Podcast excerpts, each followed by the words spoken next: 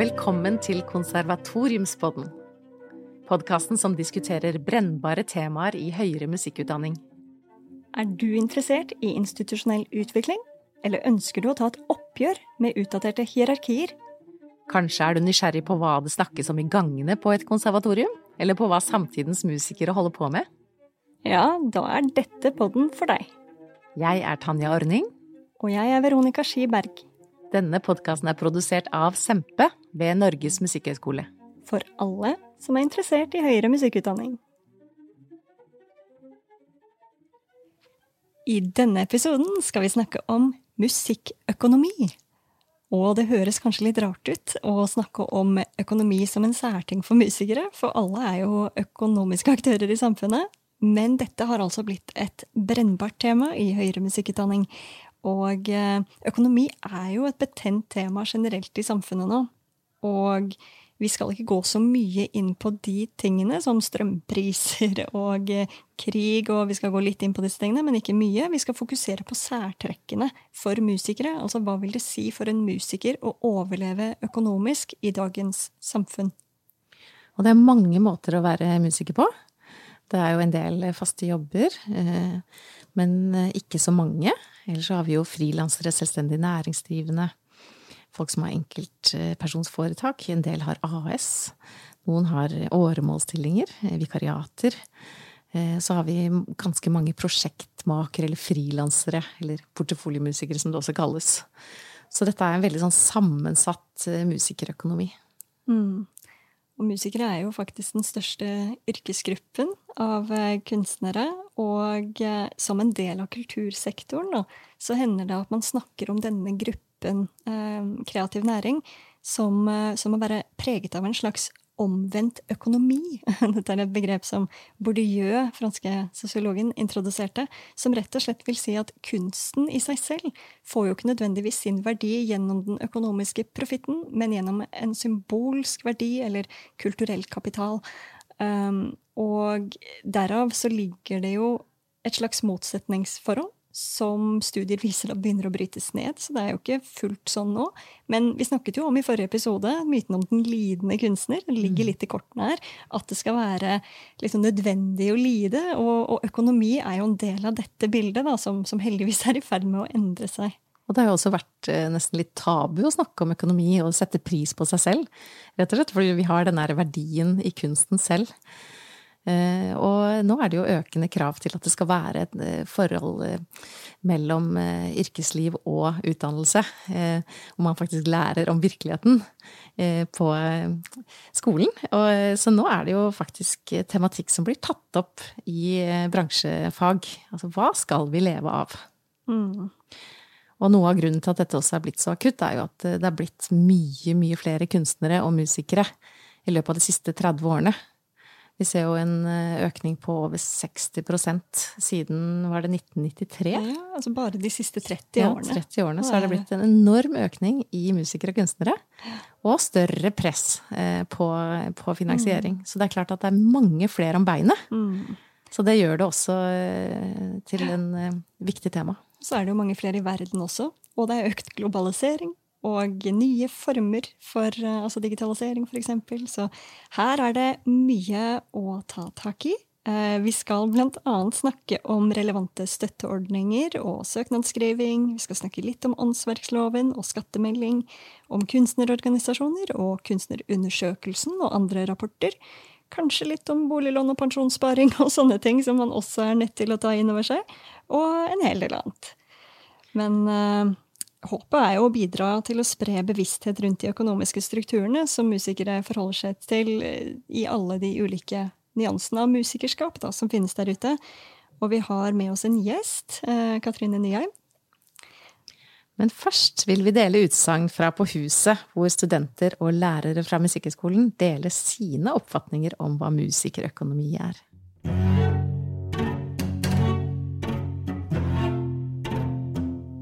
Hvordan overlever musikere økonomisk i dag? Det er ikke godt å si. Jeg har prøvd i 25 år. Eh, men eh, det er noen muligheter der. Du kan søke litt penger. Du kan også være med i noen band som gjør at du tjener litt penger. Men jeg, jeg underviser ved siden av, altså, og er stolt av det. Mitt eh, korte svar på det er allsidighet. At man har mange bein å stå på. Og det er jo i utgangspunktet kanskje en positiv ting. Men i denne konteksten uh, så syns jeg det blir litt problematisk å si at det utelukkende er en positiv ting. Fordi at uh, hvis man blir nødt til å drive litt mer allsidig og litt mer litt bredere enn man er komfortabel med, eller man har lyst med, eller at man føler er kunstnerisk meningsfullt, uh, kun for den økonomiske gevinsten, så er jo ikke det gunstig for å utvikle sitt kunstneriske arbeid. Jeg tenker at for å overleve som musiker i dag, så er det viktig å ikke være superkresen på hva slags eh, spillejobber man tar, f.eks. At eh, hvis du bare tar de jobbene som du tenker at du elsker å gjøre, så kan det i lengden i hvert fall være veldig vanskelig å leve økonomisk. For det går jo veldig sånn i perioder. Eh, når man får mange spillejobber, når man får gøye spillejobber. Um, I hvert fall uh, i min verden, som er den klassiske, så føler jeg at uh, mengden jobb du får, kommer veldig an på hvem du kjenner. Sånn at det handler veldig mye om hvem du blir kjent med når du studerer, eller når du begynner å ha dine første arbeidserfaringer, sånn at du kan få jobb videre. Og med det så kommer det også at man, må være godt likt, jeg guess, og liksom være en hyggelig person å, å arbeide med. Uh, og så må man jo sikkert bero seg på å ta på seg jobber som man kanskje egentlig ikke kikker sånn veldig mye på, men uh, av og til så må man bare ha litt penger, altså. Ja, innimellom trenger man penger. Uh, til mat, til tak, til å leve. Og, dette narrativet om allsidigheten, altså det at man trenger å være så, så Gjøre så mye forskjellig, på en måte. Den, det dykker jo litt ned i debatten som har vært mot spiss og bredde, hvor, liksom, hvor man tenker at dette å ha en bredde gjør at man får mer penger inn, da, på et vis, mens hvis man er spiss, så spesialiserer man seg. Og, ja. Som er en litt sånn sliten debatt, på en måte. Eh, og jeg har en liten anekdote der, fordi jeg var Første året mitt på bachelor så samarbeidet jeg med en koreograf som hadde frilansa i en del år. Og hun sa det at eh, det var slitsomt en periode fordi man tok jobber som var OK betalt og OK liksom kunstnerisk, traff kanskje ikke helt, på en måte. Og da ender man opp i en sånn slags limbo, fremfor å Ja, det å vite da hvorfor man tar jobben, det var det viktigste rådet. At uh, hvis det er ikke så godt betalt, men du bare, det er kjempekult kunstnerisk prosjekt, kjør på. Mm. Og så ta andre jobber som kanskje ikke er like uh, interessante, da, men som du faktisk tjener godt på. Altså det å være bevisst i livet ditt da, på hvorfor du tar en jobb. Mm. Og dette forholdet mellom å være spesialist og generalist er jo veldig omdiskutert eh, altså i hele undervisningsfeltet og i forskningen òg. For vi ser jo en mye større eh, bevegelse mot en breddekunnskap hos musikere. Man må kanskje kjenne til flere sjangre, flere tidsepoker, flere måter å spille sammen på. Og, men samtidig er det veldig stort fokus på å spisse sin kunstneriske identitet. Og fremstå som en sånn mer egenartet musiker. Ikke en slags fiolinist det går 13 adusiner på, for det finnes jo mange av. Men hvem er du som er en musiker med tydelig profil?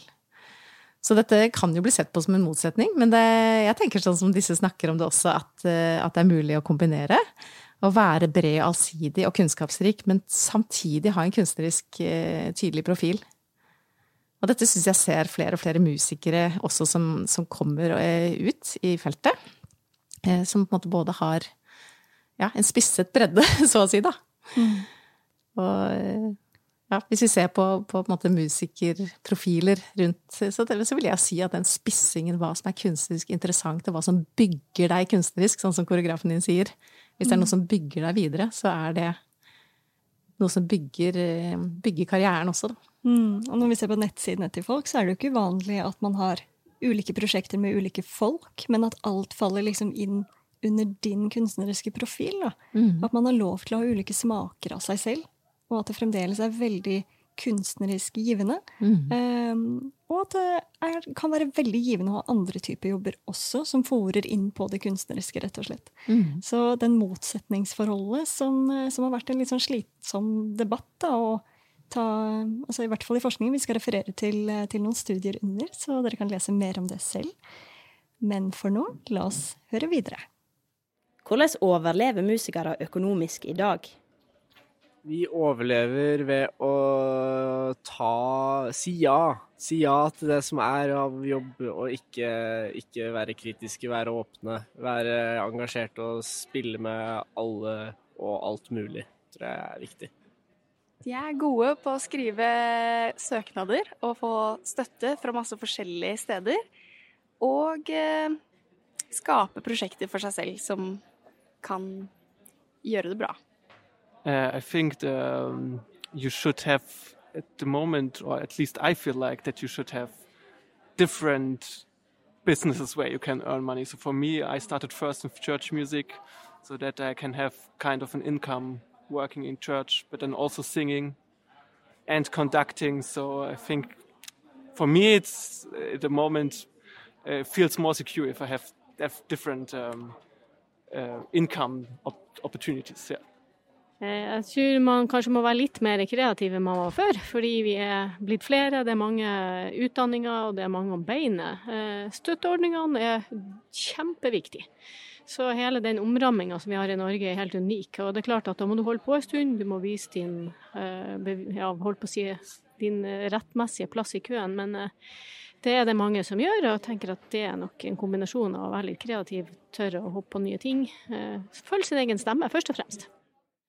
Ja, dette med å skape gode prosjekter og være kreativ henger jo uavvendelig sammen med økonomien, fordi eh, det er ikke så mange faste jobber. Så det å lage prosjekter, skape prosjekter eh, med god, godt kunstnerisk innhold, eh, som kanskje er nyskapende, eller hvor du prøver ut nye ting, kanskje tverrfaglige, iallfall virkelig prosjektmakeri, er jo det, liksom det store ordet nå innenfor musikklivet, og dermed også musikkøkonomien.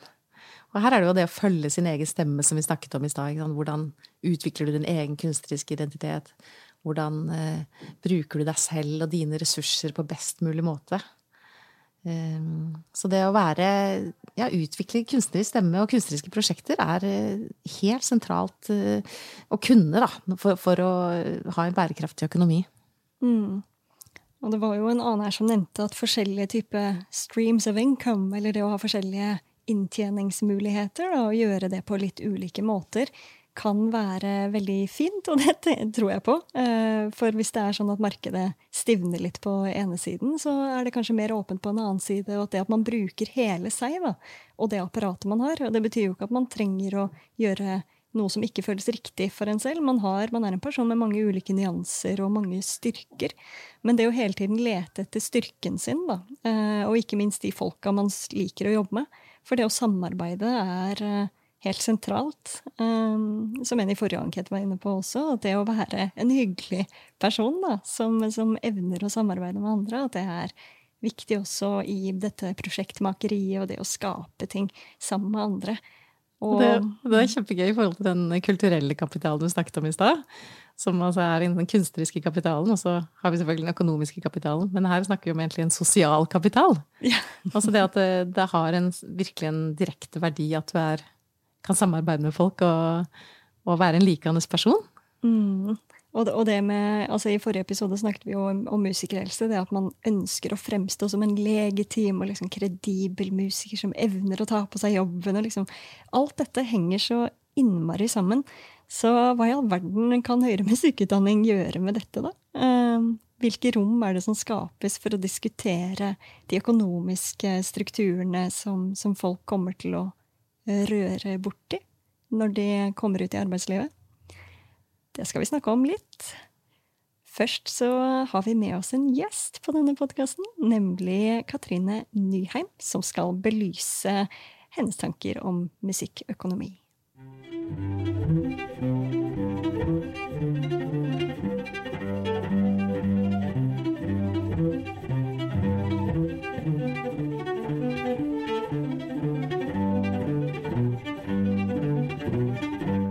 I dag har vi med oss Katrine Nyheim på Konservatoriumspodden. Katrine har hovedfagsutdanning fra Norges musikkhøgskole med eksamen i 2000. Hun har jobbet som slagverker i Forsvarets stabsmusikkorps siden 2006, frem til hun ble nestleder i Fagforbundet Creo, Forbundet for kunst og kultur, i november 2022. Mellom studier og stabsmusikken har Katrine jobbet som selvstendig næringsdrivende og frilanser, samt deltid i kulturskole. Hun har i tillegg vært medlem og leder av stipendkomiteen for musikere, sangere og dirigenter i Statens kunstnerstipend. I dag er hun oppnevnt i styret for Fond for utøvende kunstnere i perioden 2022 til 2024. Så Katrine er en stemme å regne med i saker som omhandler norsk kulturliv, både på konferanser og i norske medier. I dagens intervju skal Katrine og jeg snakke om de økonomiske normene og strukturene som musikere må forholde seg til i Norge i dag, og hvordan disse kan relateres til høyere musikkutdanning. Velkommen! Tusen takk. Det er veldig hyggelig å ha deg med i studio i dag, og vi hopper rett i det som en oppvarming. Hva mener du er viktig for musikere å tenke over når det gjelder økonomi? Jeg tror nok sånn som situasjonen er i dag, så er det nok viktig å tenke litt på å ha en slags buffer. At man uh, bør ha litt penger stående. Uh, det er usikre tider. Uh, alt blir dyrere. kulturlivet har liksom ikke kommet ordentlig i gang igjen etter pandemien heller. Det er mange som vil spille konserter. Det er ikke fullt så mange som har kommet seg opp av sofaen ennå. Så økonomien er liksom ikke helt i gang ennå, sånn som vi opplever det. Så jeg tror nok det å være litt forsiktig nå, det tror jeg er viktig. Og på et litt mer sånn generelt uh, nivå så er det viktig at musikere er litt uh, solidariske når det gjelder honorarer. At man ikke underbyr hverandre. Mm. Hva skal til for å skape en sånn kultur, tror du? Ja, Det bør vel kanskje egentlig inn allerede i eh, studietiden, da. At uh, studentene lærer seg Selvfølgelig, når du er ung og student vil veldig gjerne ha den jobben, så skjønner jeg jo at man kan legge seg litt lavt. Men at man har det i bakhodet hele tiden. At du skal ikke legge deg for lavt. Vi i Creo har jo noen anbefalte minstesatser. Det er ikke noe tariff, så du bryter ikke noe lov ved å ikke følge dem. Og vi vet jo at ikke du alltid kan få det heller, men vi syns det er en god rettesnor for hvor nivået burde ligge. Mm. Så det er altså noen organisasjoner som vi allerede har nevnt i denne episoden. Men hva, hvilke hjelpevenner finnes der ute hvis man har spørsmål om økonomi? Du kan selvfølgelig ta kontakt med fagforeningen din hvis du er medlem av Crea f.eks. Hvis du er medlem av Grammart, så kan de også hjelpe deg. Jeg vet ikke om du får så mye rådgivning fra andre steder enn typiske medlemsorganisasjoner. Men det fins jo en del tilskuddsordninger som kan hjelpe deg. Men de kan bare hjelpe deg med støtte til prosjekter eller eh, ja, sånne mer generelle ting. Mm. Og altså, vi har tidligere i, i denne podkastserien snakket om makten som er i tilskuddsordninger og sånn også. Har du noen tips til hva slags type prosjekter eller hva slags type kunstneriske uttrykk eh, Vi ser jo at det har vridd seg litt til å bli veldig inkluderende, noen av disse tilskuddsordningene. Hva tenker du er viktig når man som musiker søker om, om tilskudd fra en ordning? Eh, I de ordningene som jeg kjenner til, så er det kun det kunstneriske som blir vektlagt. Så jeg har ikke noe erfaring med med ordninger hvor det er spesiell vekt på geografi eller mangfold eller sånne ting. Jeg har litt erfaring med eh, tilskuddsordninger som bidrar til eh, miljøvennlig turnering, men ellers så er det kun det kunstneriske som jeg har eh, erfaring med. Så da er vel tipset å lage et prosjekt du tror på, som du har veldig lyst til å gjøre, og prøve å kommunisere på en kortfattet, men grei måte hvordan du har tenkt til å gjennomføre det. Mm dette med søknadsskriving har, eh, har Sempe jobbet med i løpet av de ti årene de har eksistert. Og eh, har du noen tips til søknadsskriving? Å, oh, gjett om jeg har. Jeg har lest så mange søknader, så jeg har mange. Jeg tror kanskje det, det, første er at i de aller fleste tilskuddsordninger du søker på, så sitter det veldig kompetente mennesker og leser søknader. Så du behøver ikke å forklare hver minste lille detalj. Folk vet hva det er snakk om og folk har gjerne veldig mye å lese, så jo kortere du klarer å fatte deg, og mer konsis, jo bedre. Eh, og et realistisk budsjett som ikke ser ut som om du skal jobbe gratis, men som heller ikke går masse, masse i pluss. For de som sitter og leser dette, kan også lese budsjett. Så det er kort og konsist, og så tydelig som mulig. Og, og, ha orden i sakene. Altså, ha, hvis det er et vedlegg, så sørg for at det er riktig. Er det en lenke til et eller annet, så sørg for at den lenken går til det den skal. For når man sitter der og skal gjennom hundrevis av søknader, så er det veldig greit at ting bare fungerer. Det er et veldig godt tips. Det er jo Noen av disse prosessene tar jo flere måneder å, å komme seg gjennom, så det at lenkene fungerer, er eh, ja. ja, det er, er en del som har uh, lenker som går på dato, eller lenker som krever passord og sånne ting. Og det, det finnes jo veldig mange forskjellige løsninger. Uh, på en måte skulle man kanskje ønske at hver tilskuddsordning bestemte seg for at her bruker vi den, her bruker vi Soundcloud, eller her må du sende med et MP3-vedlegg, eller et eller annet. Men det blir kanskje litt hemmende for de skal søke også. Men det viktigste er at det fungerer. Mm. Ja. Ja, nei, Musikere velger jo veldig ulike plattformer også. Det dukker opp nye plattformer, så det er jo mm. kjempefint at det også er åpent og holdes ja. åpent sånn. Jeg tenkte på dette med å sette pris på seg selv. Ja. Det er noe som har eh, gått igjen eh, i, i, mitt forskningsarbeid iallfall. Hvor vanskelig det kan være. Og du nevnte tilskuddsordningen Nei, disse og du nevnte satsene. Anbefalte minstesatser, ja. ja jeg syns det har vært veldig vanskelig å sette pris på meg selv altså en kronepris på meg selv. Det, vi liker jo å se på oss selv som kunstnere, og det er ikke så gøy å befatte seg med det med penger og sånt. Vi vil helst at det bare skal være i orden.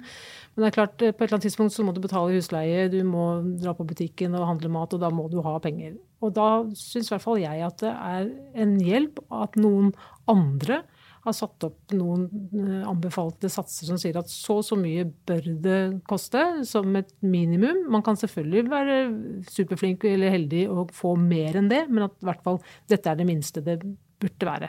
Og det ser jo jeg når jeg leser søknader for eh, Fond for utøvende og sånt nå, at, at folk bruker disse takstene i budsjettene sine for å få et realistisk budsjett. Mm. Men det er klart det er vanskelig, og vi har ikke så veldig tradisjon for det i Norge med å si at jeg er verdt så og så mye, så gi meg masse penger. Eh, men jeg tror, jeg tror faktisk musikere er bedre enn en del andre kunstnere. Der tror jeg musikere har eh, vært flinkere. At vi har hatt en større tradisjon for det. Og vi har hatt eh, fastansatte musikere sant, som han kunne bruke sin fastlønn som en mal for hva man burde få for noe tilsvarende. Mm. Ja, det er et godt poeng. Um, det viser seg jo også at musikere er den største kunstnergruppen som vi har i Norge. Mm. Og da er det jo desto viktigere at man går frem som gode forbilder for hvordan å sette pris på seg selv, og å sette pris på kunst. Ja, mm. absolutt. For til syvende og sist så, så, er det at man må ha noen penger innimellom. Og også for å investere i sin egen virksomhet også. Hvis du trenger instrumenter, du trenger utstyr. Du, du må liksom ha et minimum for å få det til å komme i gang også. Mm. Det er mange ting å tenke på når det gjelder eh, musikkøkonomi og det å drive sin egen privatøkonomi, som det jo til syvende og sist er. Det er privatøkonomi og profesjonell økonomi som, som blandes sammen, eh, på sett og vis. Da jeg begynte som selvstendig næringsdrivende, så hadde jeg en egen konto for uh, de pengene jeg mottok, sånn at jeg kunne sette av skattepengene med en gang. Det tror jeg er veldig lurt, ja. Mm -hmm. um, nå skal vi ikke snakke veldig mye om sparepenger og disse type tingene, men uh, hvis man tar utgangspunkt i satser, og man tar utgangspunkt i at man skal betale skatt, uh, og så nevnte du å kunne investere i egen virksomhet, mm. hvilke andre ting burde man tenke på som en yrkesaktiv kunstner og musiker? Det er nærliggende å si pensjon, da. Altså Hvis man uh, ikke har en fast ansettelse uh, Eller nå skal du jo få pensjon fra første krone så lenge du er i et ansettelsesforhold. Og det er jo mange musikere som går fra midlertidig ansatt forhold til et annet midlertidig ansatt forhold. Da vil du få pensjonsopptjening på det.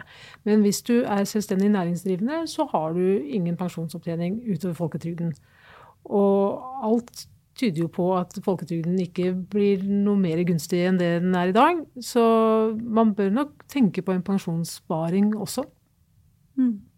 Selv om det er veldig kjedelig å tenke på det i starten av karrieren, og du får det så vidt det går rundt. Så nei, det er dessverre sånn det er blitt.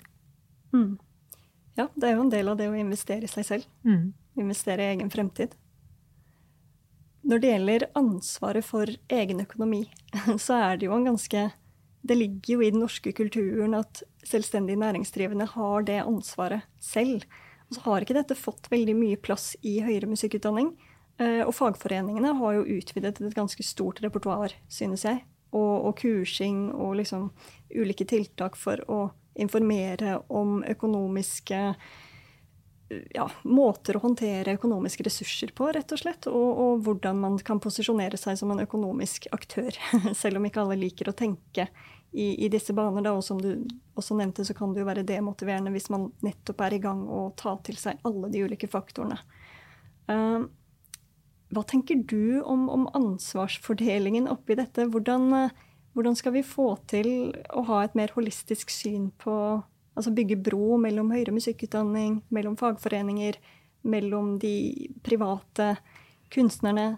Blir dette et litt stort spørsmål? Ja, Du tenker på at man på en bedre måte bør gjøre studentene klar over hvilken virkelighet som er der ute? Er det det du ja, tenker? det er jo fort å tenke dit. altså det reality gap, som vi har ja. nevnt tidligere. Ja, ja, um, men ja, i, i, ditt, uh, i din virksomhet og, og ut ifra din erfaring, hvordan kan man bidra til en økt bevissthet rundt dette, og ansvaret som faktisk eh, må tas for, eh, for økonomi? Ja. Det er jo lett å, å legge det på, på Musikkhøgskolen eller på utdanningsinstitusjonene. Eh, men jeg tenker at i første omgang så skal musikkutdanningsinstitusjonene lære folk faget sitt, og så er økonomi noe som er litt på siden. Men samtidig så er det jo såpass viktig at man må man må jo forholde seg til det på et eller annet vis. Eh, bare for et litt sånn sidespor, så vi i fagbevegelsen jobber jo veldig for at vi skal få litt flere rettigheter for de som er selvstendig næringsdrivende. Fordi at det, Du kan argumentere for at de skal ikke ha noe rettighet fordi at det, liksom, honorarene skal være høye nok til at de kan dekke dette selv, men de er jo ikke det. Sånn at det, det, å sette av penger til sparing og til pensjon og frivillig sykeforsikring og sånt noe, det har de aller færreste råd til. Og det så vi jo veldig tydelig under pandemien. ikke sant? At det, alle de som var selvstendig næringsdrivende, ble stående nesten helt på bar bakke. Heldigvis så kom det ganske kjapt på plass en del ordninger der sånn, uh, som kunne hjelpe med det verste. Uh, men det er Altså for de som går ut fra en uh, musikkutdanningsinstitusjon og rett ut i en frilanstilværelse som selvstendig næringsdrivende, så det, ja, det, er, eh, det, er, masse å forholde seg til. Og det er, det er jo en del av læringen. Altså. Jeg, jeg, er liksom ikke helt der at jeg syns at uh, Musikkhøgskolen skal ha egne økonomitimer. uh, fordi, og dette gjelder jo ikke bare for studenter innenfor musikk, det gjelder jo studenter innenfor en del andre fag også, som i stor grad går ut i selvstendig virksomhet.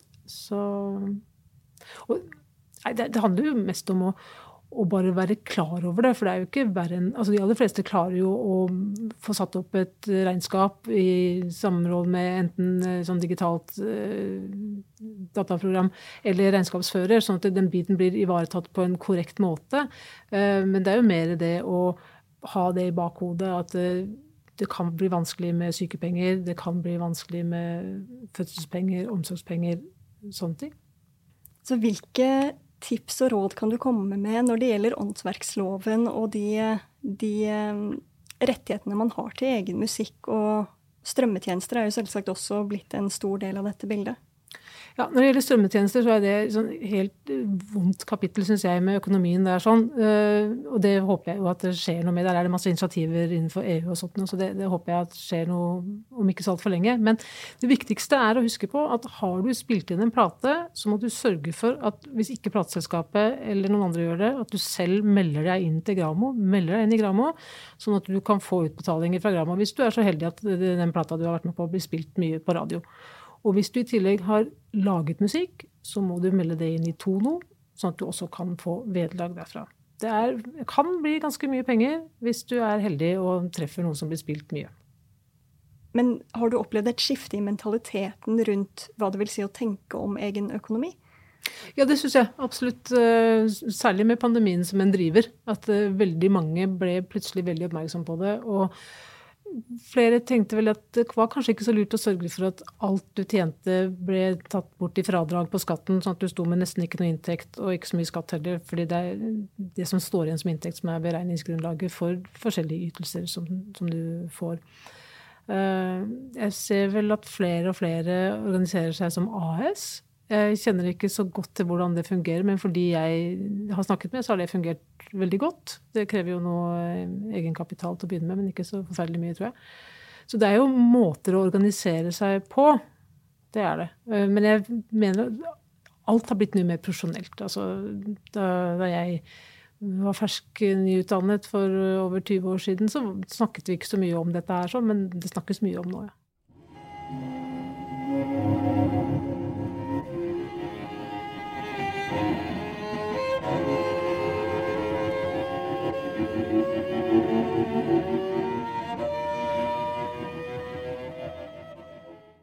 Ja, så være ryddig, ha orden i sakene og vær solidarisk. Fordi musikere er jo faktisk, vi har nevnt dette før, eh, men den største yrkesgruppen blant kunstnere. Og det å følge satser og tørre å sette pris på egen kunst er et litt sånn kollektivt ansvar også. For hvis vi ikke gjør det, så sender man eh, liksom motvisende signaler også til eh, de som bestiller tjenester fra, fra musikere, da.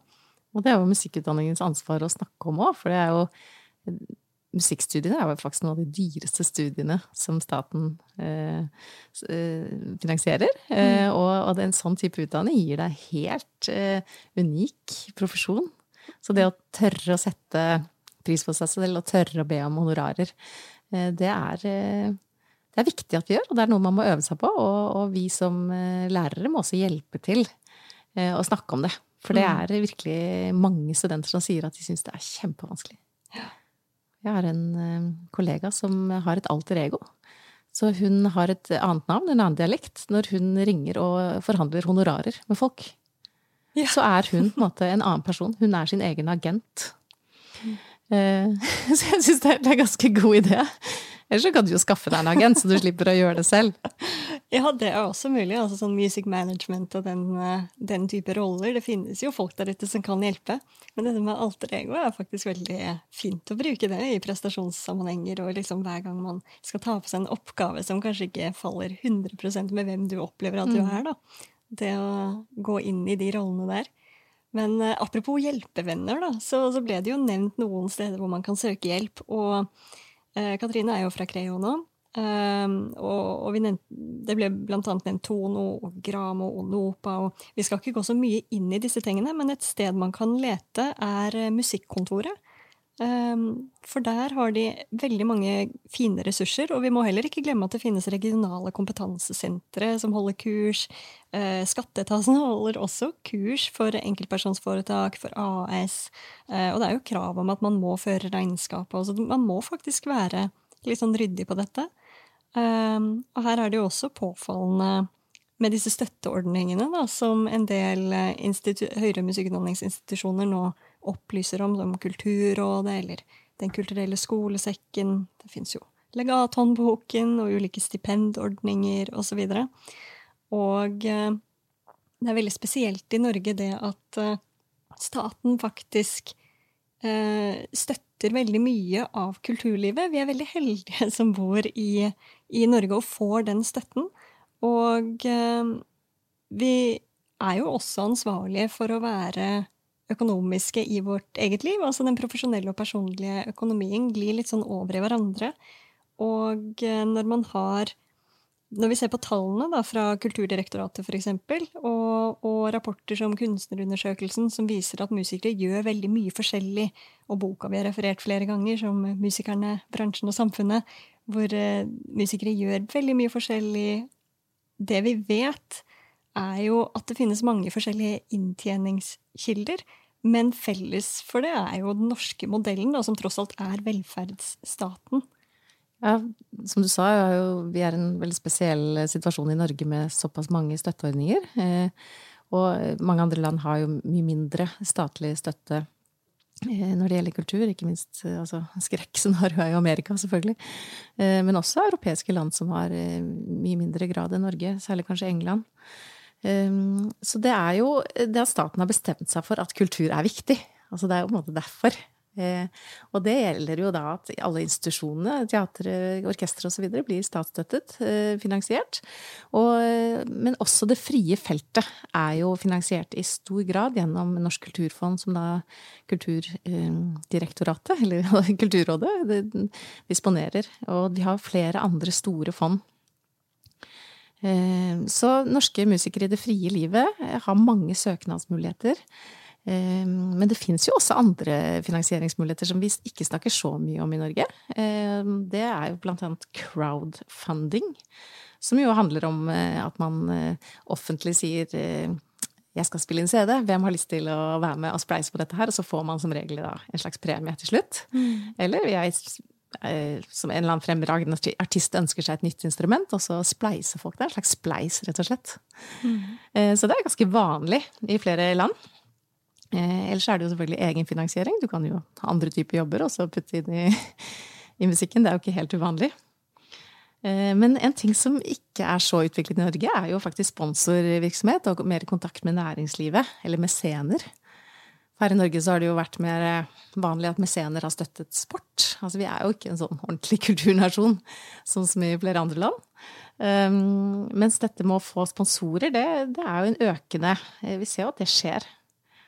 Eh, og jeg har lyst til å trekke frem eh, Ultima-festivalen, som altså er samtidsfestivalen eh, i Oslo, som allerede på 90-tallet fikk spons av oljeselskapet Fina.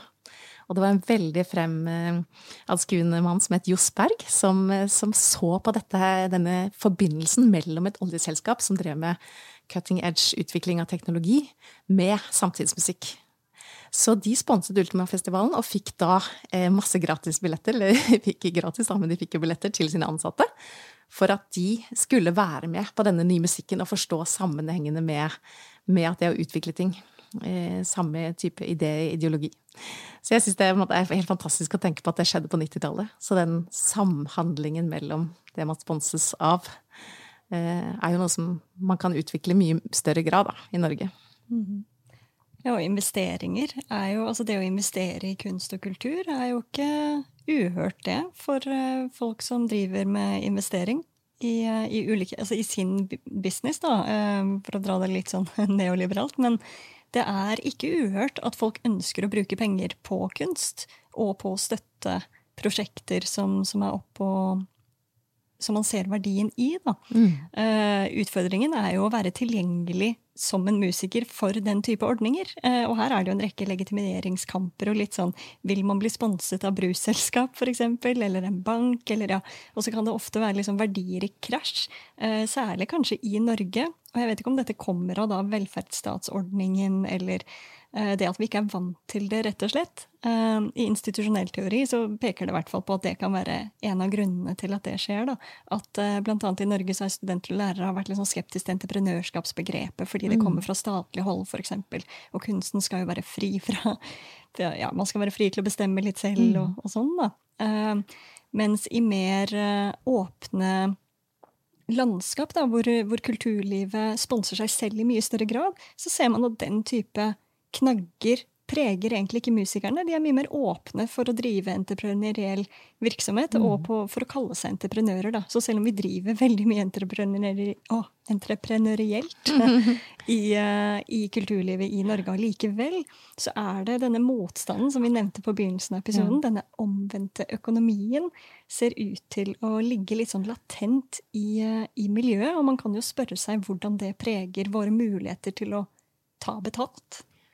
For det er jo noe med dette entreprenørskapsbegrepet som kommer fra økonomien, og som eh, ligger i det så ligger det implisitt at noe skal vokse. Anne Britt Gran fra BI snakker jo om levebrødsentreprenøren, hvor er, målet er å skaffe seg et levebrød, ikke at ting skal vokse. Men ellers har jo musikere til alle tider eh, vært entreprenørielle den, på den måten at de har sett muligheter og gjort noe med dem, og skaffet seg inntekt. Mm. Og det er jo klart at vi samfunnet er jo i endring også i Norge, og digitalisering f.eks. bringer jo en hel haug med nye perspektiver. Eh, vi har ikke gått så mye inn på musikkteknologi og hva det har gjort med bransjen, for nå finnes det jo andre sentre i Norge enn Sempe. Som eh, I Agder har de jo fått CreateMe som et SFU, eksempel, som skal se på musikkteknologi. Eh, og hvis man er nysgjerrig på den type ting, så kan man sikkert se dit, eller til da BI sitt Center for Creative Industries, som også refererer til en del tall og mekanismer, hvordan det fungerer. Og Telemarksforskning og Kulturdirektoratet gjennomfører jo rapporter. Så her gjelder det å være nysgjerrig da, og lete etter stoff på kulturpolitikk. Og vi kommer til å referere også en hel del av det som blir kartlagt i Norge. Når det gjelder Sempe, da, så, så starta det jo opp med at entreprenørskap faktisk var et av hovedtemaene som man skulle ta for seg. Og så eh, har man i senere tid begynt med karrieredager og bransjebrunsj og eh, NMH har lenge vært med i European Creative Futures, og det var nettopp en viktig uke der som ble markert med en rekke spennende innslag.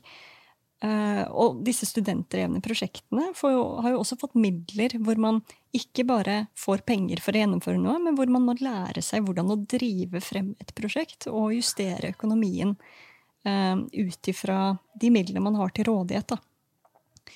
Studenter har også initiert sånn som Jobbskyggeprosjektet, Um, og ved andre institusjoner så har det også vært uh, f.eks. Bjerksted Records, som ser mye mer på musikkproduksjon. Og det gjør de jo også mye på Høgskolen Kristiania, f.eks., som også publiserer spillelister fra sine studenter. En veldig fin måte å tilgjengeliggjøre det studentene faktisk driver med utad. At man kommuniserer hva som foregår, til det markedet som er der ute. Og på musikkstudentkonferansen som var nå i år, så var det veldig altså økonomi var et betent tema. Det var veldig mye ønske om å få mer eh, bevissthet og, og verktøy knytta til akkurat dette her. Altså det finnes jo fag på, på alle, mange av disse eh, institusjonene. På Musikkhøgskolen har vi jo Proff 20, altså bransje, profesjon og identitet. Det vet jeg også de har oppe i Tromsø. På NTNU har de entreprenørskapsfag. Det har de også mye av i Agder. Så jeg vet at eh, alle institusjonene nå følger opp med bransjefag. Eh, men det er jo hele tiden dette spenningsforholdet som også Katrine brakte opp. Altså skal kunstinstitusjonene kunstinstitusjoner lære eh, studentene musikk og kunst, og så lærer de de andre tingene etterpå? Eller skal vi faktisk snakke så mye om alle disse praktiske tingene som, som du møter deg i samfunnet? Men det er klart at institusjonene må gjøre noe. Vi kan ikke kaste dem helt til ulvene. Nei. Og det er kanskje litt av der utfordringen er òg, da. Fordi vi har jo forhørt oss rundt, og, og som du nevner, så, så, skjer det jo ting. Det er jo ikke det at det ikke skjer.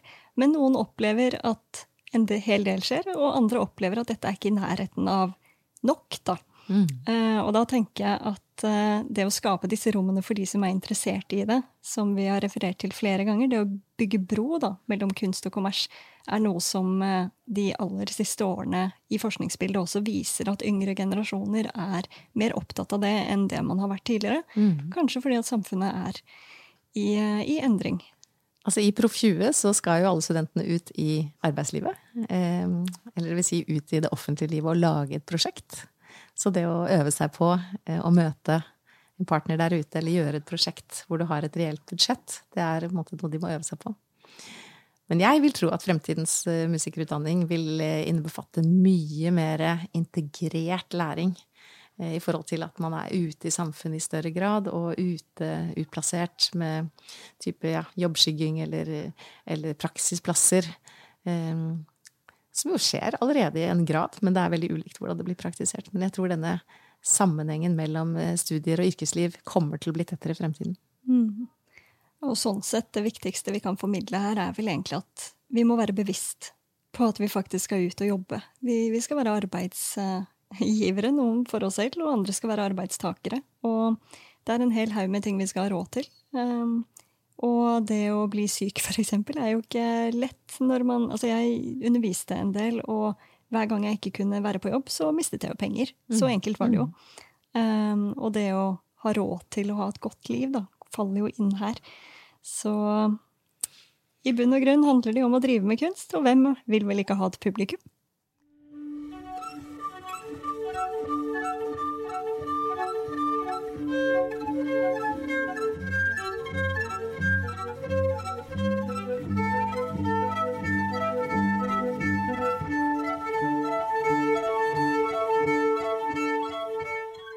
Denne episoden har vi snakket om de økonomiske strukturene som musikere må forholde seg til, og hvor man kan finne mer informasjon om dette, samt hva som gjøres i høyere musikkutdanning for å koble utdanningen tettere mot arbeidslivet.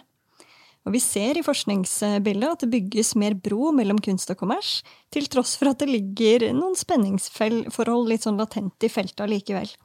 Men yngre musikere er eh, pragmatiske og optimistiske med tanke på egen karriere, ifølge en rekke studier.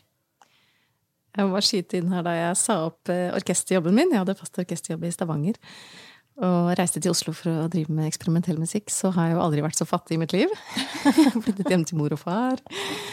Eh, men det der å bygge opp sakte, men sikkert, flere prosjekter, ha liksom de, de flere benene å stå på, noen prosjekter er langsiktige, noe kortsiktige, litt forskjellige inntjeningsmuligheter. Eh, så at det der å bygge opp noe, hvis man virkelig, virkelig ønsker det, og er tent og har masse gode samarbeidspartnere, så er det, så er det noe vi ser mange får til. Og vi håper jo at noen av de knaggene og ressursene vi har pekt på i denne episoden, kan være til nytte eh, for både erfarne og fremtidige musikere. Og at det blir rom for å diskutere rollen til musikere i samfunnet, også som økonomiske aktører i fremtiden. Ja. For eh, selv om eh, det strides jo litt når det gjelder hvilken rolle økonomi skal ha ved høyere musikkutdanningsinstitusjoner, så, så gjøres det en hel del, og det er faktisk helt sentralt for musikere å kunne håndtere personlig og profesjonell økonomi. Hvis ikke så går jo ikke hverdagen rundt. Um, og i dagens samfunn så er det også en viktig del av det å være en medborger, ikke minst. Så det å være et menneske som ønsker å oppnå god livskvalitet, og som ønsker å skape en bærekraftig karriere som kunstner, dette er helt sentrale ting å ta med inn i høyere musikkutdanning. Og musikere er jo en del av samfunnet, og de er derfor med på å skape samfunnet. Og i neste episode skal vi snakke mer om nettopp dette. Der skal vi snakke om den medskapende musikeren.